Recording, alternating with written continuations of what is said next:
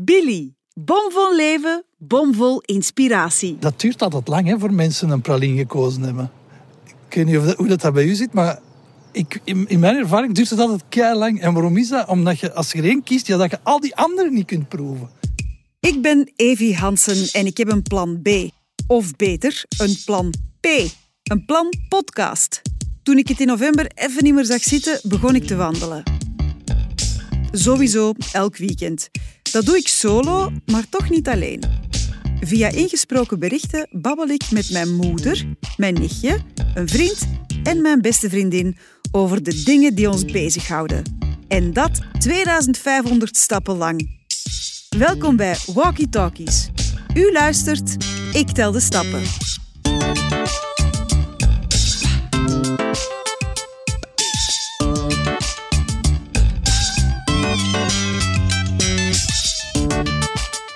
Tof dat je weer luistert en hopelijk ook meewandelt met deze walkie-talkies. Uh, zometeen ga ik een babbeltje doen via ingesproken berichten met mijn vriend en collega Johan Terrein. Want ik wil het met hem hebben over keuzes. Nu zelf heb ik al een paar moeilijke keuzes moeten maken in het leven. Enfin ja, wie niet? Maar dan blijkt dat wij als mensen toch zo verdomd moeilijk hebben om te kiezen. Want ja, wat is de juiste keuze?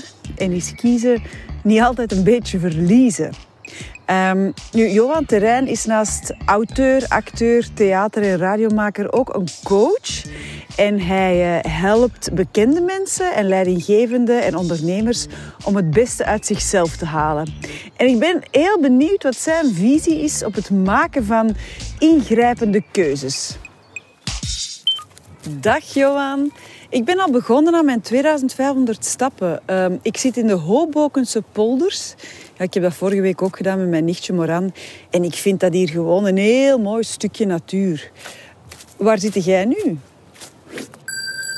Hey even, ja, de Hobokense polders vind ik, uh, vind ik ook super, uh, super mooi. Maar ik zit in het Boekenbergpark in Deurne. Uh, ik ben hier aan het opwarmen eigenlijk. Um, omdat ik hier straks een, uh, een duik gaan nemen in het frisse open water van de zwemvijver. Ik, uh, ik zit hier in de ijsberenclub.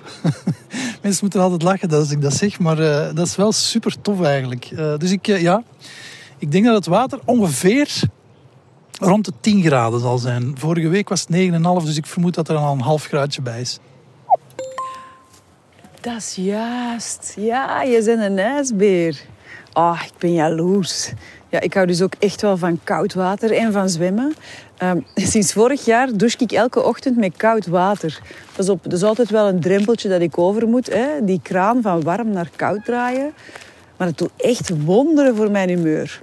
Dus ja, ik ga mij gewoon eens informeren of dat ik ook geen ijsbeer in kan worden. Hè? Dan kunnen we samen gaan plonsen. Zeg Johan, ik kreeg gisteren de bevestigingsmail van de kunsthumajoren uh, dat mijn oudste zoon Scout in september mag beginnen. En dat is toch wel een bijzonder moment. Nu, Scout heeft ook zelf gekozen voor een kunstrichting en ik heb mij daar verder ook geen vragen bij gesteld. Maar nu voel ik mij toch wel een beetje gegeneerd omdat ik merk dat sommige mama's en papa's ja, al maanden bezig zijn om scholen en richtingen uit te pluizen. En dan denk ik, oei, had ik dat ook niet moeten doen? Het is niet dat mij interesseert, maar ja, we hadden gewoon ons buikgevoel gevolgd. En dan heb ik het vertrouwen dat dat de juiste keuze zal zijn. Enfin ja, dat is zo'n typisch mama-verhaal. Um, uw kinderen zijn al wat groter, maar herken je dat verhaal? Ja, natuurlijk. Dat is kei herkenbaar. Um, ik was wel uh, zo'n papa die alle scholen is afgelopen. om me te informeren. Maar dat is, ja, ik vond dat wel niet gemakkelijk. Je zit dan naar directeurs te luisteren en, en, en je vraagt naar wat zijn de buitenschoolse programma's en weet ik veel. Allemaal zo van die dingen die je nauwelijks tegenover elkaar kunt afwegen. En uiteindelijk heb ik gewoon mijn keuze gemaakt, op, ook op basis van mijn buik. Dus uh, ik heb gekozen om, om dan uh, te gaan aanschuiven aan de school waar ik zelf had gezeten. om daar mijn oudste zoon in te schrijven. Dus dat was toen nog met, met nachten aanschuiven. Hè. Um, En dat heb ik ook maar één keer gedaan. Dus mijn tweede zoon moest dan ook maar naar die school gaan. Want dat wou ik niet nog eens doen. Het was toch een goede school, dus voilà. Um, die is daar lang kwaad over geweest eigenlijk. Maar verleden week nog zei hij tegen mij... Papa, ik ben blij dat ik op die school heb gezeten. Dus oef, pak van mijn hart. Wat is dat toch met mensen en keuzes maken eigenlijk? Hè? Niet kunnen kiezen of niet willen kiezen. Maar ja, we hebben ook echt keuzestress. Hè? En, en er is gewoon veel te veel. Maar allee, uh, wel een pak van mijn hart dat jij dan alles zijt gaan uitpluizen, maar dat je dan toch weer bij je buikgevoel uitkomt. Um, maar kan je dan eigenlijk in het vervolg niet beter al die stappen gewoon overslaan? Dat kan. Maar je gaat een geruster gemoed hebben als je ze alle twee toepast. Als je toch de rationele overwegingen maakt, maar dan toch het eindwoord geeft aan je buik. Ik denk dat dat hetgeen is wat de meeste mensen wel doen hoor. Zo informatie inwinnen. En dan ze zeggen altijd, ik ga er nog eens een nachtje over slapen. Ah, wel, dat is eigenlijk de kans geven aan je onderbewustzijn, aan je buik, zeg maar, om daar ook eens een zegsken over te doen. En als je dan de volgende ochtend met een bepaald gevoel wakker wordt van ja, ik moet toch dit of dat doen of dat kiezen, dan, dan is dat dikwijls eigenlijk uw buik die aan het woord is. En dat is ook het beste om te volgen, denk ik, om, om een beetje tevreden door het leven te gaan. Constant tegen uw buik ingaan, dat is, dat is niet zo'n goed idee. Maar ja, mensen kunnen moeilijk kiezen omdat er zoveel opties zijn. Hè? Dus daardoor komt dat er, dat er keuzestress is en daardoor zijn we ons ook heel bewust van dat kiezen ook verliezen is. Hè? Dat er dingen zijn die je dan niet kiest en die je dus ook niet zult hebben. Denk maar aan die doos praline, Evi. Dat duurt altijd lang hè, voor mensen een praline gekozen hebben. Ik weet niet of dat, hoe dat, bij u zit, maar ik, in, mijn ervaring duurt het altijd kei lang. En waarom is dat? Omdat je, als je er één kiest, ja, dat je al die anderen niet kunt proeven. En dus moeten beginnen overwegen. Ga ik die geen pakken die ik al ken, waar ik zeker van ben dat ik die lekker ga vinden? Of ga ik die een pakken die ik nog niet ken en dus een beetje voor het avontuur gaan? Met risico dat dat tegenvalt. Hè?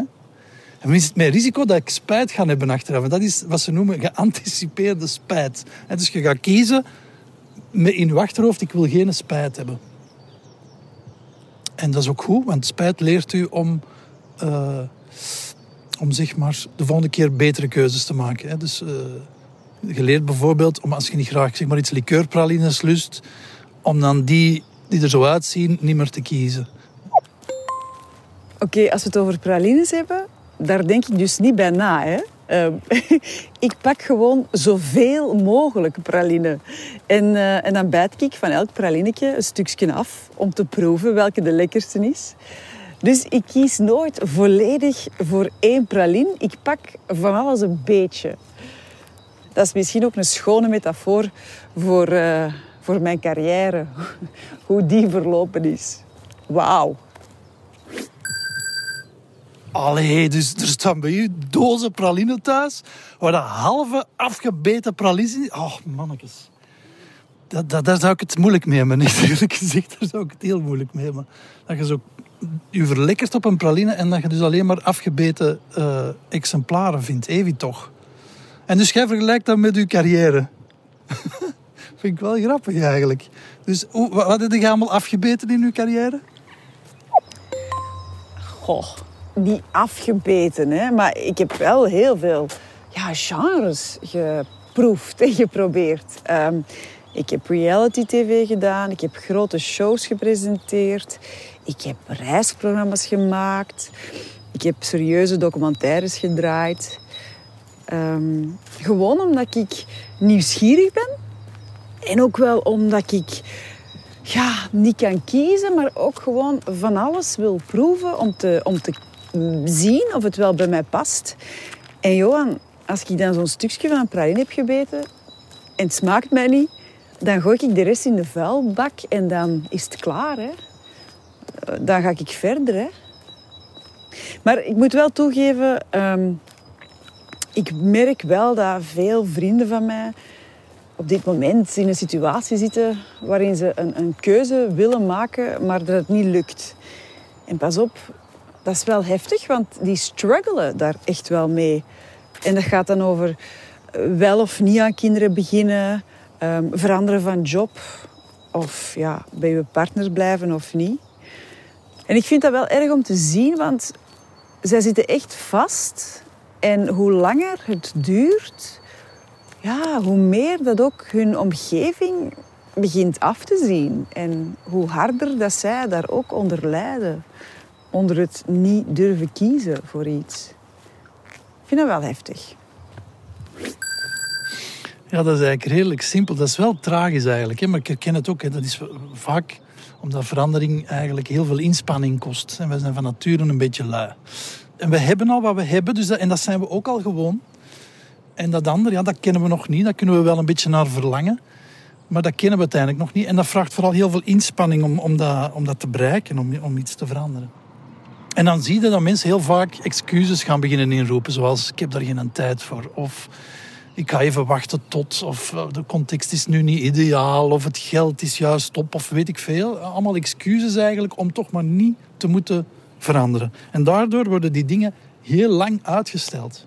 Totdat mensen echt ongelukkig worden. Omdat, omdat ze nooit dat onderzoek hebben gedaan van oké, waarom is dat belangrijk voor mij? En wat moet ik precies overwinnen of doen om die verandering te gaan voltrekken? En dat is, dat is een lastige oefening soms. Zeker voor van die grote beslissingen zoals jobs en, en relaties. En met al die keuzestress uh, ben ik bijna vergeten te zeggen dat we al meer dan duizend stappen hebben gedaan. Goed bezig. We gaan door tot 2500 stappen.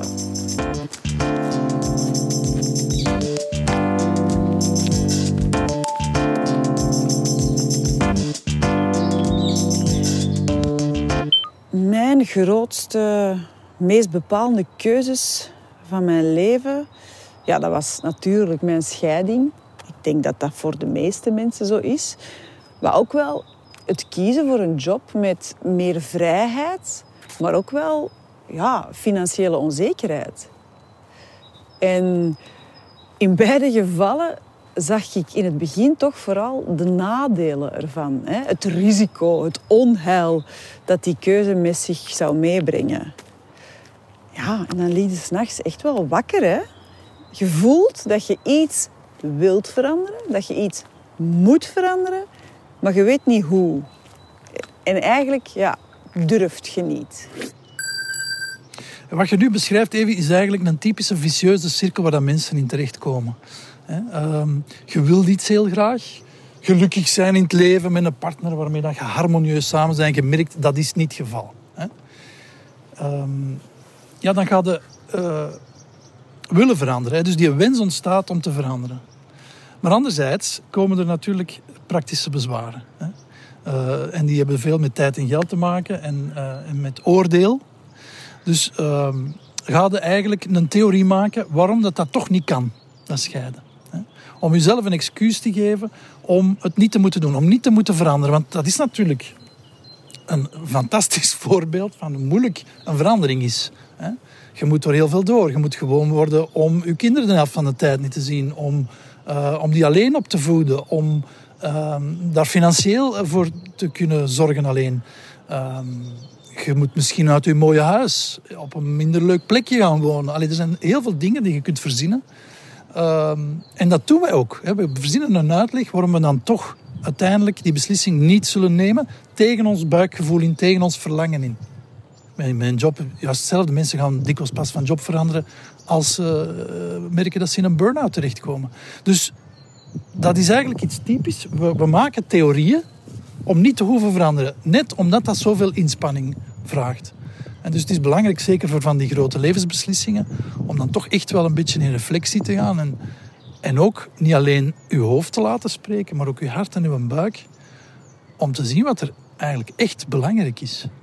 En of het echt belangrijk is. dat is natuurlijk ook wel een ding. Uh, ik heb altijd het gevoel dat een keuze drastisch moet zijn. Bijvoorbeeld, ah, ik wil gaan verhuizen naar het buitenland. Oh nee, dan moet ik daar voor altijd gaan wonen. Of uh, ik wil van job veranderen. Oh nee, dan zit ik daar voor altijd aan vast. Eigenlijk het maakt niet uit welke keuze dat ik maak. Bijvoorbeeld hè, de, de schoolkeuze voor mijn zoon dan denk ik toch wel even van oei oei, dat bepaalt de rest van zijn leven. Maar ik kan me wel inbeelden dat jij als coach daar misschien wel een ander idee over hebt of zo. Ehm, dat jij misschien zelfs een drastische keuze zou afraden. Ja, drastische beslissingen zijn niet per se de beste. Hè. Ehm, daarom is een beetje zelfonderzoek altijd belangrijk. Uh, en dan bedoel ik niet alleen die cirkelredenering maken in je hoofd, maar ook uh, het luisteren naar mijn buik. Hè. Er is een nachtje over slapen.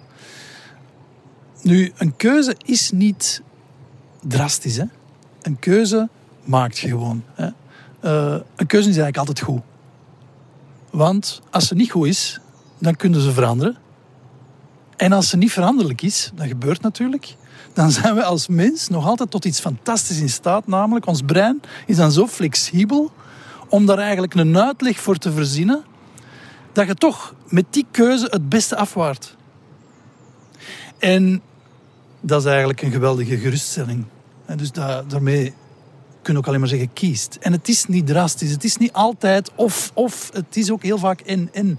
Toen ik zelf uh, een beetje uitgekeken was op het presentatiewerk op televisie, mijn, uh, mijn eh, contract hield op en ik moest mij afvragen, ga ik nu ergens anders uh, aankloppen of wat ga ik nu hiermee doen? En ik merkte, ja, ik heb dat nu al 15 jaar op een redelijk intensieve manier gedaan. Ik heb dat ik heb alle hoekjes en kantjes ook wel gezien van genres van televisieprogramma's, radio. Is dit nog wel iets wat mij begeestert? Het is wel een vraag die ik mij heb afgesteld. En toen heb ik me gewoon een paar maanden gegund om stil te vallen. En ben ik beginnen schrijven aan een theatervoorstelling. En ik heb daar zo'n angsten voor moeten overwinnen. Ik herinner mij dat nog zo hard. Maar op dat moment was de motivatie kei groot om iets te veranderen in mijn leven. En dus heb ik mezelf daartoe kunnen, kunnen bewegen. Een ander voorbeeld is zo, en dat zal ook herkenbaar zijn, mensen. Ik heb vaak of lang rondgelopen met het idee, ik moet nog een roman schrijven in mijn leven. En op den duur wordt dat zoiets wat u eigenlijk ambeteert, want je begint er niet aan. En dus is dat iets wat lastig wordt. Van, want je krijgt een oordeel over jezelf. Zie eens, loser, je bent nog altijd geen boek aan het schrijven. En dan heb ik dat ook eens voor mezelf in een coachingoefening laten onderzoeken. En heb ik eigenlijk ontdekt, ja, en dan bekijkt alles, niet alleen de droom, maar ook wat je er praktisch voor moet doen. Uh, je leert ook kritisch kijken van uh, wat zou het dan moeten zijn enzovoort. Ontdekte eigenlijk dat je ook een gigantische, ik toch in mijn geval een geweldige inner critic heb. Dus een, een innerlijke criticus die eigenlijk nooit een boek goed genoeg zal vinden om uit te geven. En dus eigenlijk in heel die oefening heb ik ontdekt dat ik die een droom eigenlijk heel gemakkelijk kan loslaten dat ik mezelf niet meer hoef te veroordelen dat ik hem niet schrijf. Het grappige is nu dat ik dit voorbeeld geef, is dat ik ondertussen wel een boek geschreven heb. Waarom? Omdat daar opnieuw een noodzaak of een innerlijke motivatie is ontstaan die dat wel heeft mogelijk gemaakt. Dus motivatie is echt key. Als je, als je, die moet echt groot genoeg zijn. En dat is meer dan alleen maar een klein wensje of een verlangstje of iets wat je heel hard zit te verlangen, maar toch nooit aan begint. Als je dat merkt bij jezelf, dan moet je echt even in onderzoek van, is het eigenlijk echt wel zo belangrijk? Of is het veel belangrijker om hier op een plekje te blijven?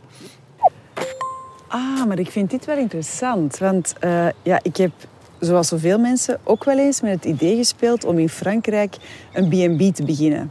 En dat lijkt dan zo'n prachtige droom. Maar toen ik er wat langer over nadacht, besefte ik dat ik eigenlijk absoluut geen zin heb om uh, van s morgens tot s avonds mensen te bedienen. En ik had eigenlijk ook geen zin om te verhuizen met mijn gezin. Dus ja, dat was dan toch niet wat ik echt wou. Um, het is dus wel echt belangrijk om eens diep in uzelf te kijken en u af te vragen hoe dwingend het verlangen is om echt iets te veranderen in uw leven. Want anders dan wordt zo'n B&B uh, in Frankrijk ook een, een idee fix. Hè? Je gaat jezelf misschien de rest van je leven verwijten dat je de stap niet hebt durven zetten. Dat je dus eigenlijk spijt krijgt van je keuze om het niet te doen, terwijl het eigenlijk nooit echt iets voor u was. Hm. Alright. Zeg maar, Johan. Eigenlijk zeg je dan dat als je bijvoorbeeld uh, vijf kilo wilt afvallen en je wilt dat echt heel graag, maar het komt er niet van, dat je eigenlijk niet gemotiveerd genoeg bent.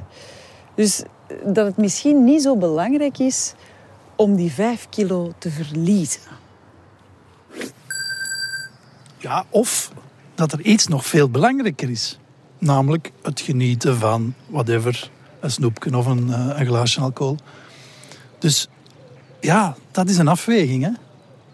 Om het één te kunnen realiseren moet je iets anders laten. En soms kan dat nog dwingender zijn.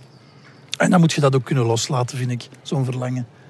Uh, allee, want anders word je er toch alleen maar ongelukkig van. Dus dan, dan is het beter om gewoon te zeggen... Och ja, die vijf kilo, ze horen nu bij mij. Jee, leven ik. Zoiets. Oh, ik ga echt in het water duiken, Evi, want uh, ik moet dringend afkoelen. Vind vind je dat goed? Dat we hier even stoppen, want ik ben aan de vijver nu en het ligt er prachtig bij. Het zonnetje schijnt. Het water is effectief 10 graden, zie ik hier op het bord. Dus uh, ik heb er al zin in. Geniet ervan, Johan. En dank je wel voor het gesprek. En in het vervolg ga ik, uh, voordat ik alle pralines opeet, toch nog eens bij u langskomen. Kun je eerst kiezen, goed? maar oké, uh, duikte jij nu maar in dat koud water. Ik ben jaloers, echt waar. Pas op, dat is toch ook altijd een keuze, hè? Dat je moet maken. Zo vlak voordat je in dat ijskoud water springt. Ja, ooit was het een keuze, maar nu uh, ervaar ik dat niet meer zo eigenlijk. Want ik stap eigenlijk gewoon dat water langzaam in tot ik helemaal onder ben. En ik heb daar geen enkele aarzeling meer bij. Ik ervaar dat ook niet meer als... Ik heb daar ook geen weerstand meer op of zo. Ik ervaar dat niet meer als kou. Dus voor mij herinnert dat mij wel elke dag... Of elke keer dat ik dat doe, want ik doe dat drie of vier keer in de week... Uh, aan het feit dat een mens kan veranderen. Hè. Dus dat de aanname dat koud water onaangenaam is... Dat je die dus ook kunt verwijderen uit je systeem. En uh, ja, zoals jij koude douches pakt, zo zwem ik hier in de vijver. En dat doet mij mentaal geweldig veel deugd. Voilà. Het gaat open. Dus uh, ik ga me omkleden, Evi. Tot nog eens, hè. Ja, geniet van het zwemmen, Johan. Bye bye. Tot gauw. Ik hoop dat u hebt genoten van dit gesprek met Johan Terrein over keuzes maken in het leven. En als u ervoor hebt gekozen om mee te wandelen, dan hebt u nu ruim 2500 stappen gezet. Dankjewel voor het luisteren en om mee te wandelen. En tot binnenkort. Dag!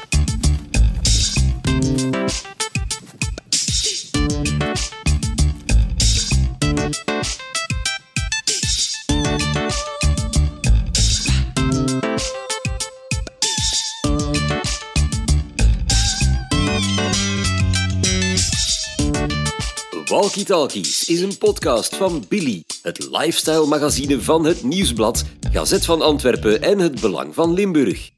Billy, bomvol leven, bomvol inspiratie.